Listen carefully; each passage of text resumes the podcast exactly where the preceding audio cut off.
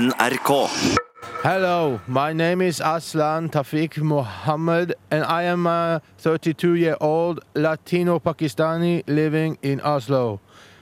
Although I am originally from Pakistan, I feel in my heart and in my soul that I am a Latino.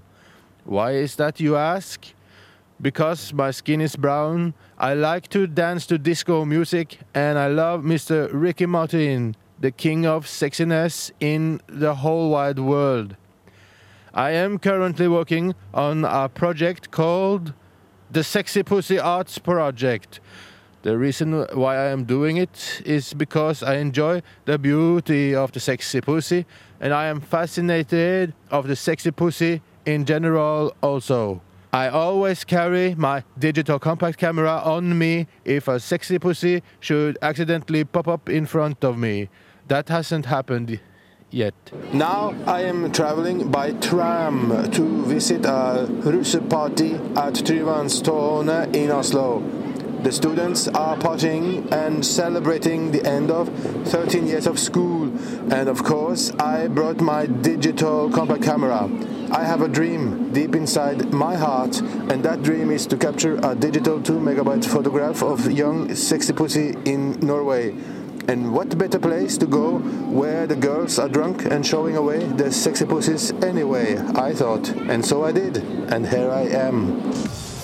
Excuse me, I am looking for girls who will sip down their sippers, remove their panties, and show me the holiest of the holiest, aka the sexy pussy that they possess. Hva faen? Det er Pagi her som sier at noen bilder av sexy pussy. Ah, Jævla sjuke gris! Dra til helvete! Now I am traveling by tram down again to downtown Oslo because I could not convince any of the girls I met that they would show me the sexy pussy.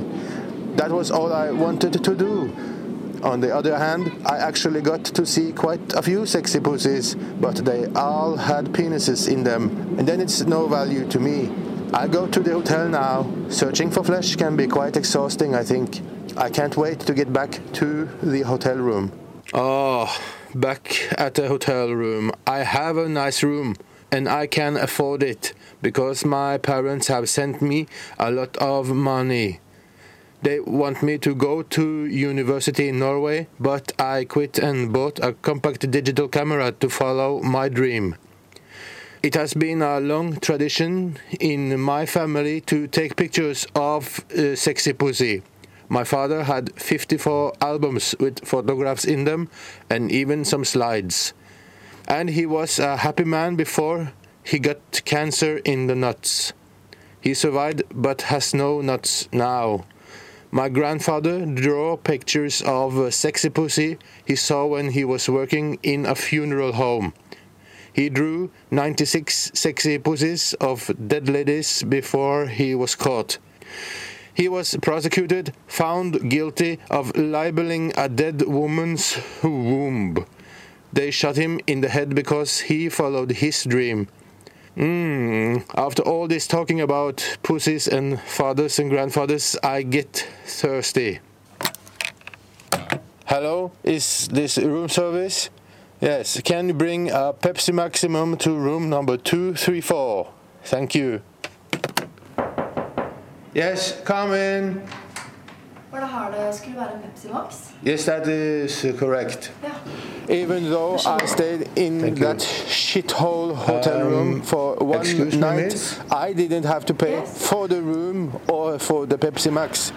But as my father and his father before him, I have been victimized for what I believe in. I will now continue my journey to capture sexy pussy all over the world. See you later.